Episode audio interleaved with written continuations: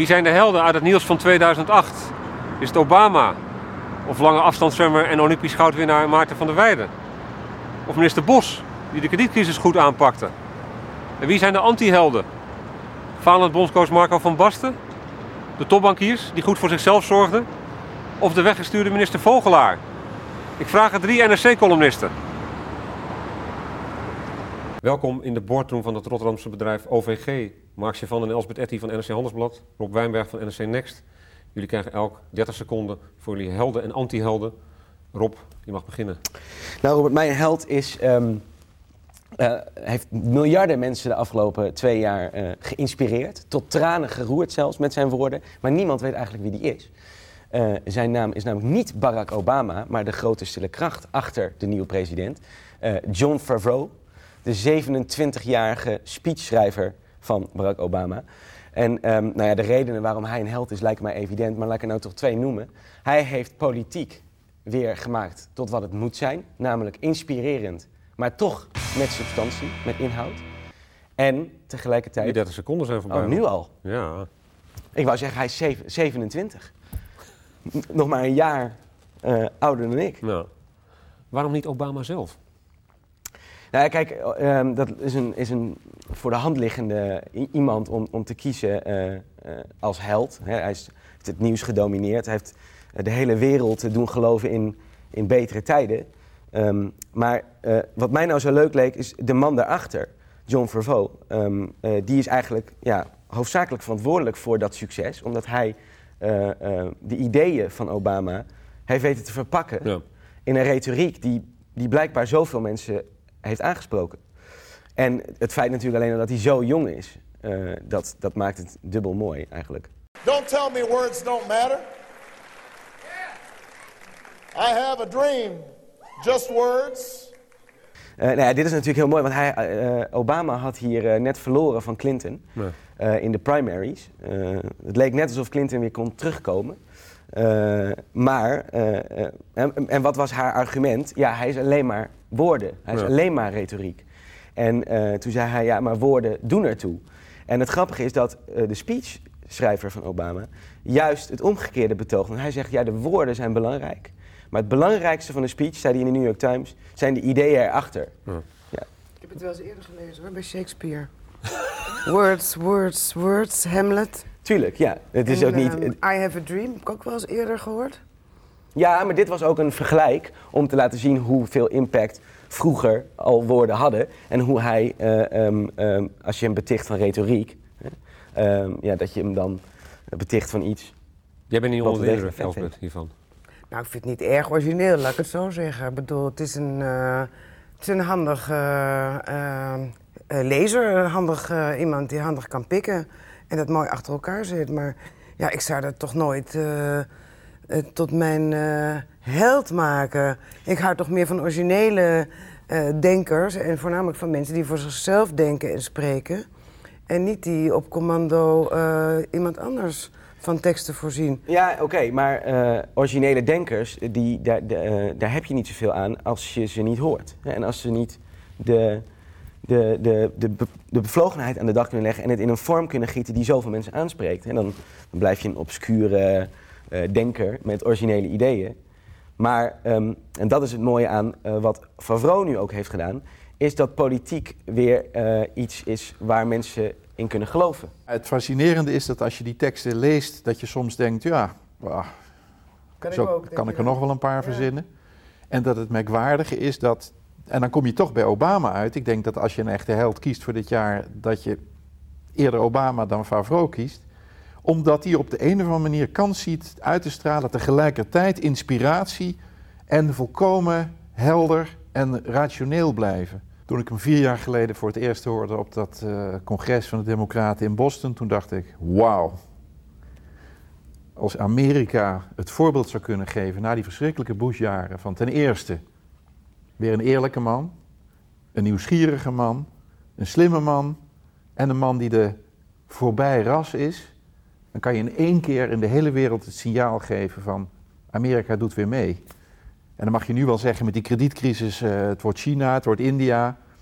Iedereen, ook daar, heeft behoefte aan, aan een voorbeeld. En ik hoop dat Europa aan dat voorbeeld zich optrekt en zichzelf ook een beetje organiseert. Elsbeth, die was heel blij. Toch is Obama niet jouw held geworden. Wie is jouw held dan? 30 seconden voor jou. Uh, mijn held is een uh, Nederlandse intellectueel. Het is Ian Buruma. Het is een Fries, geloof ik, uh, qua afkomst. En het is niet voor niets, heb ik een intellectueel gekozen. Die zijn erg uit de mode en worden erg elitair gevonden. Hè? Dat mag helemaal niet meer tegenwoordig tot de elite behoren. behoren. Erger, hij is een cosmopolitische intellectueel. Dat is dus tegen provincialisme, voor de grenzeloosheid voor nieuwsgierigheid, om met Mark uh, te spreken. Uh, nou, buiten, de, buiten de grenzen kijken. Hij vertegenwoordigt. de tijd is om. Het kan me niet schelen. Ik zeg nog eventjes erbij dat hij dit jaar, 2008, de Erasmusprijs heeft gewonnen van deze mooie stad. En dat heeft hij gekregen omdat hij de moderne cosmopoliet genoemd wordt. En daarom is hij mijn held. Nou, wat ik daarmee bedoel is dat na de, de, de Tweede Wereldoorlog um, nationalisme, nationaal gevoel, patriotisme natuurlijk bijna in, in een soort taboesfeer terecht zijn gekomen. Daar kwam alleen maar narigheid van. En we moesten nou allemaal Europeaan worden zonder dat mensen echt hadden nagedacht over wat dat nou precies voor de meeste mensen zou betekenen. En van wie mag je niet meer elitair zijn? Uh, van uh, vrijwel uh, alle politici, van vrijwel alle media uh, elitair staat gelijk tegenwoordig aan uh, intellectueel, uh, aan cosmopolitisch, aan nieuwsgierig. En het staat tegenover trots op Nederland, provincialisme enzovoort enzovoort. D66 haalt daar toch in de peilingen nu 16, 17 zetels bij, mee. Met dat imago, met dat nou ja, inhoudelijk ageren tegen Wilders bijvoorbeeld. Uh, zijn ze heel succesvol mee. Maar wat wil je daarmee zeggen? Nou, dat het dus blijkbaar helemaal niet uit is om, om uh, cosmopolitisch te denken. Nou ja, de, de, je zou kunnen zeggen dat D66 uh, de enige partij is die niet meegaat in dat verschrikkelijke anti-elitaire gedoe. Het is natuurlijk bizar. Iemand als... Ik wil eigenlijk helemaal niet over D66 praten, ik wil over Buruma praten. Wat is de kracht van Buruma? nou, dat is iemand die teksten voor zichzelf schrijft. Uh, niet in de niet eerste, voor ons? Niet in de eerste plaats uh, voor, een, uh, voor iemand die het woord voert. Het is niet iemand die er We verschillend... over die woordvoerder weer? Ja, het is, het is niet iemand die er ehm, geheime agenda's op na Hij is onafhankelijk. Zoals, hij is onafhankelijk. En het is iemand die je denkend aan het werk ziet als je zijn stukken leest ja. over ingewikkelde onderwerpen die hij toch toegankelijk maakt. Welke denken inspireert jou? Nou, dan, dan, hoef je niet in Nederland te zijn. Dan moet je terug naar uh, Nietzsche en, uh, en Kant. Mark, welke denker inspireert jou in Nederland? Volgende vraag. Dat is een veelbetekenende stilte. Mark, wie is jouw held? 30 seconden. Mijn held van dit jaar is Jan van der Kraats. Dat is een hoogleraar wiskunde aan de Universiteit van Amsterdam. Die ongeveer eigenhandig aan de orde heeft gesteld dat we in Nederland niet meer kunnen rekenen. En dat is niet een verhaal van vroeger was alles beter. er is in Nederland de laatste twintig jaar is er een mode uh, aan de scholen opgelegd. Er is een soort staatspedagogiek ingevoerd die zei dat rekenen leuk moest zijn. Dat is bij allerlei vakken zo, maar bij rekenen heel erg. Met plaatjes en met gokken en met je hoeft het niet echt te kunnen, want we hebben wel een rekenmachine. Je tijd is om. Nu weet ik nog altijd niet wat Van der Kraats nou precies gedaan heeft. Daar heb je nog een kleine blessuretijd voor.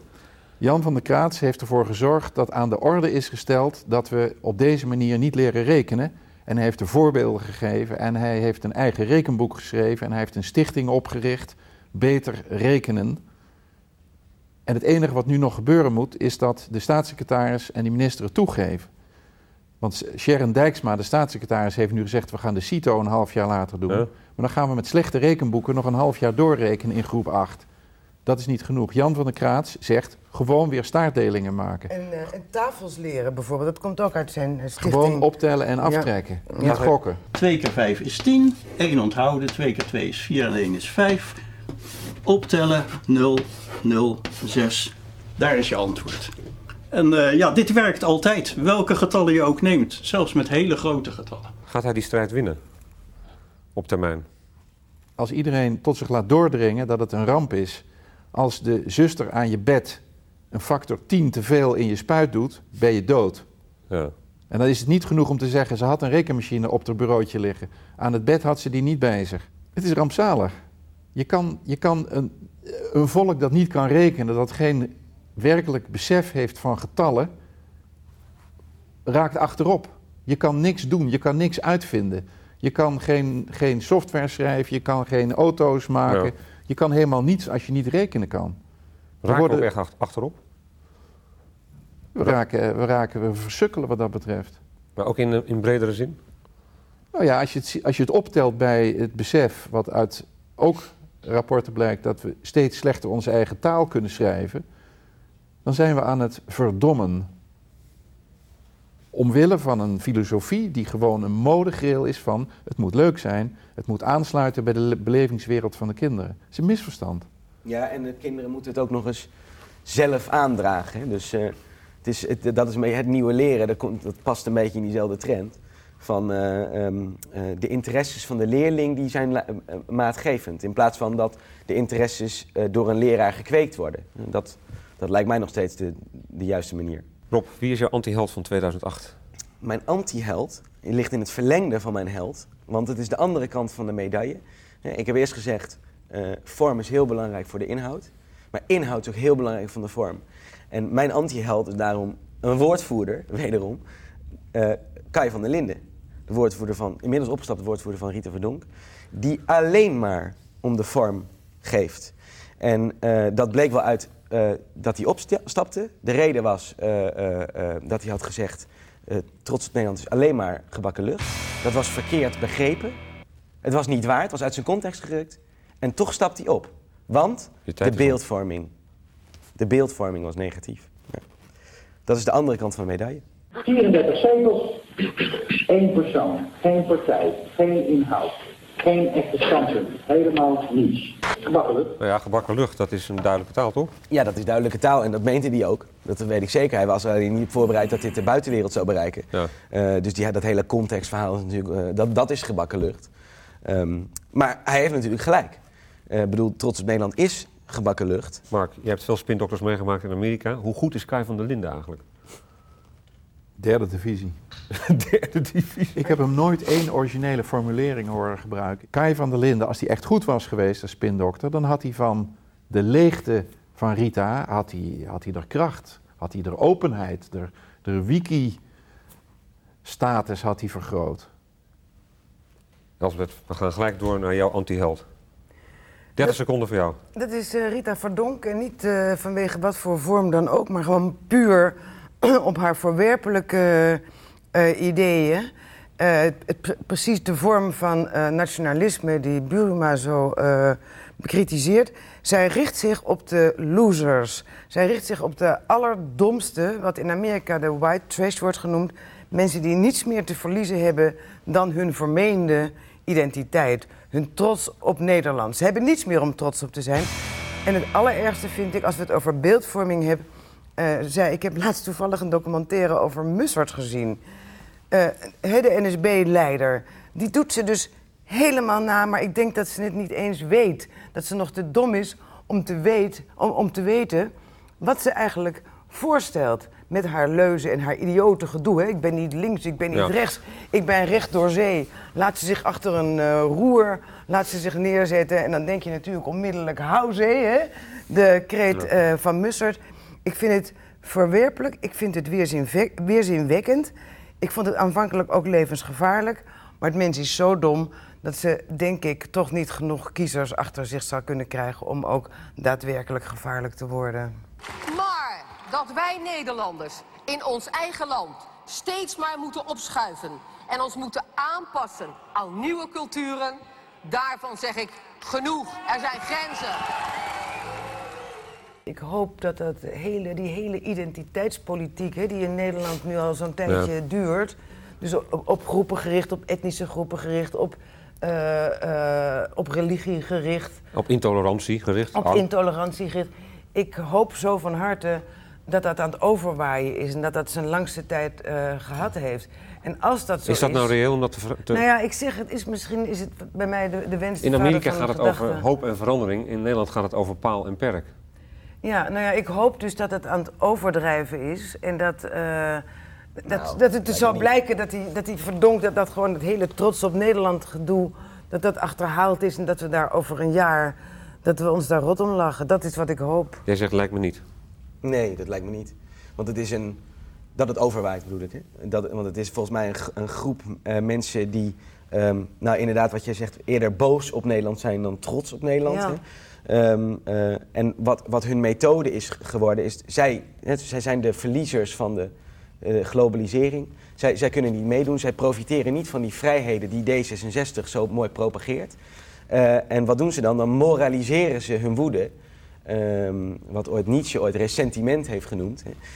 ze, ze moraliseren hun woede door te zeggen: wij verliezers, dan, ehm, dan zeg maar de buitenstaanders, de, de buitenlanders ook verliezers. Hè. Zij ontnemen hun, hun vrijheden door te hameren op hun normen en waarden, hun eh, eh, ident- nationale identiteit.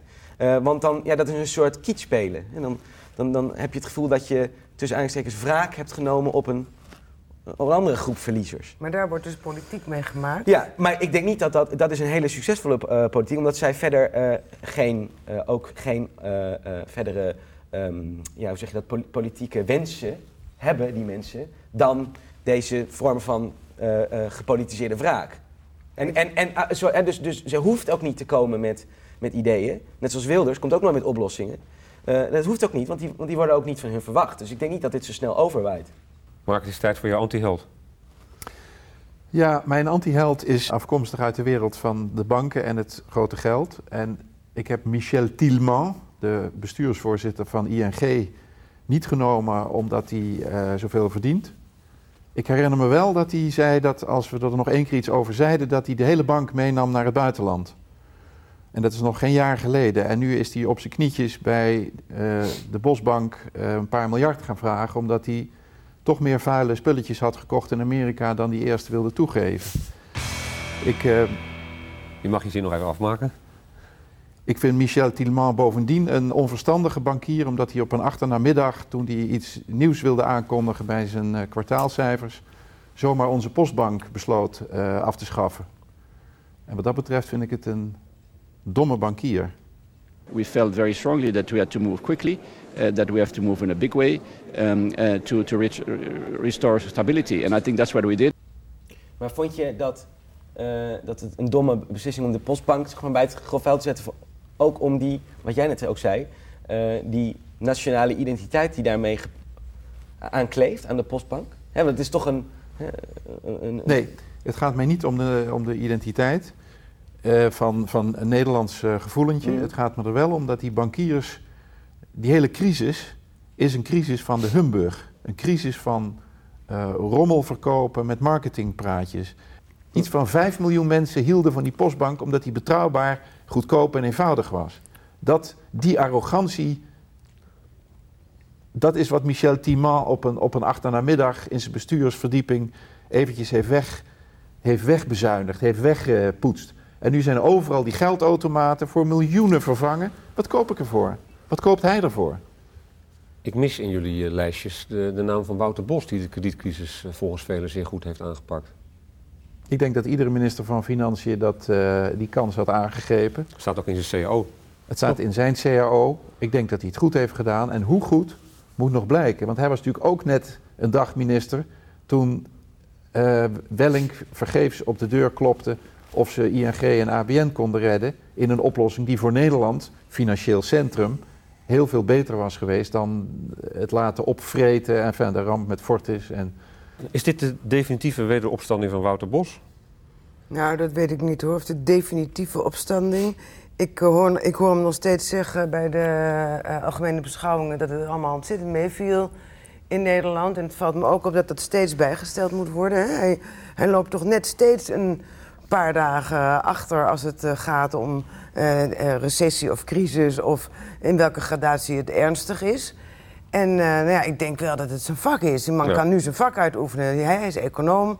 Eh, hij glorieert eh, daarbij. Maar ik weet niet of hij als politicus en zeker niet als partijleider... of die daar nou even hard in glorieert. De En, Balken is nog veel onzichtbaarder. Nee, maar de, de, ik bedoel de manier waarop hij, waarop hij heeft toegestaan dat Vogelaar mislukte... de manier waarop hij haar vervolgens heeft eh, uitgerangeerd... dat verdient nou niet eh, de prijs voor groot leiderschap. Balken is nog helemaal niet gevallen, die naam. Eh, Wie? ik vind dat de christendemocratische versie van, de, van het crisisbeleid toch heel duidelijk is. Als u dat niet ziet, meneer de voorzitter. Nee, Balkende is, is, is eh, redelijk onzichtbaar. Hij moet het helemaal hebben van Dat is een onzichtbaarheid. betrouwbaarheid. Hij moet, hij hoopt dat hij uitstraalt. Ik laat het Wouter nu doen. Precies. Ik heb het niet nodig om naar de camera te hollen iedere week. Maar vind je het een goede strategie? Ik zou het niet erg vinden als we een bezielende eh, eh, eh, premier hadden. Ik denk dat het een uitstekende strategie is. Ik denk dat het CDA eigenlijk eh, al geruime tijd daar heel veel garen bij eh, heeft gesponnen. Bij de onzichtbaarheid van Balkenende, bij de onhandigheid van Balkenende... bij de achter de schermen zeer grote handigheid van Balkenende. En dat gaat terug tot eh, de kwestie met Fortuyn. Toen ze eigenlijk een soort pact met Fortuyn hebben gesloten... dat ze elkaar niet zouden aanvallen. En ja, goed, ze, zijn niet, eh, ze hebben geen grote klap eh, gekregen. Dus ze houden zich steeds precies keurig in het midden. Ze polariseren absoluut niet. En ze zorgen dat iedereen die op zoek is naar stabiliteit en vertrouwen... dat die gewoon keurig op het midden stemt... en eh, dat eh, het CDA gewoon eh, nou ja, stabiel blijft. Nou, een goed voorbeeld is ook de, de, de, het Irak-onderzoek, wat er nooit is gekomen op zijn instigatie. Eigenlijk krijgt Wouter Bos daar de volle laag over steeds, omdat hij het heeft laten varen. Terwijl niemand eigenlijk, nou ja, misschien een enkele journalist na, eh eh Balken en erop aanvalt dat hij dat wil. Of dat hij dat afgedwongen heeft. En dus het is heel slim hoe hij op de een of andere manier constant... En hij werd er laatst weer naar gevraagd. Toen ontweek hij de vraag weer. Eh, alle moeilijke kwesties gaat hij uit de weg. Nou, dat doet hij inderdaad briljant. Maar om dat nou toe te juichen... Wie van jullie helden is een blijver? Of anti-helden? Wie staat er volgend jaar weer op jullie lijst? Die van die jullie vandaag genoemd hebben. Buruma nog steeds op de lijst volgend jaar? Nou, dat, dat, dat, dat ligt eraan. Misschien wordt hij, om, over, wordt hij overvleugeld door eh, andere helden. Maar ik hoop zeker dat hij bij- blijft eh, publiceren. En ik hoop ook voor hem dat hij daar nog vele malen grote prijzen over, zal- voor zal krijgen en bekroond zal worden. Favreau en Van der Dus Linden? die heeft nog een hele carrière voor zich, hè, met zijn 27. Dus dat is zeker wel een blijver. Ehm, en dat is natuurlijk ook Obama. Hè. Da- daar geloof ik ook nog wel steeds in. Eh, en Van der Linden, daar, daar horen wij nooit meer wat van terug. Dus volgend jaar een andere antiheld. Ik hoop dat ik volgend jaar moet toegeven dat Michel Tilman van de ING een duurzame, succesvolle, klantvriendelijke bank heeft gemaakt. En het rekenen? En daar kunnen dan Nederlanders komen werken die ontzettend goed kunnen rekenen. Die hadden ook kunnen uitrekenen dat al die idioten opgesnipperde slechte hypotheken in Amerika, dat je die nooit had moeten kopen. Met wat voor smoes dan ook. Oké, bedankt voor jullie komst. Ja, en een bedankt. gelukkig nieuwjaar.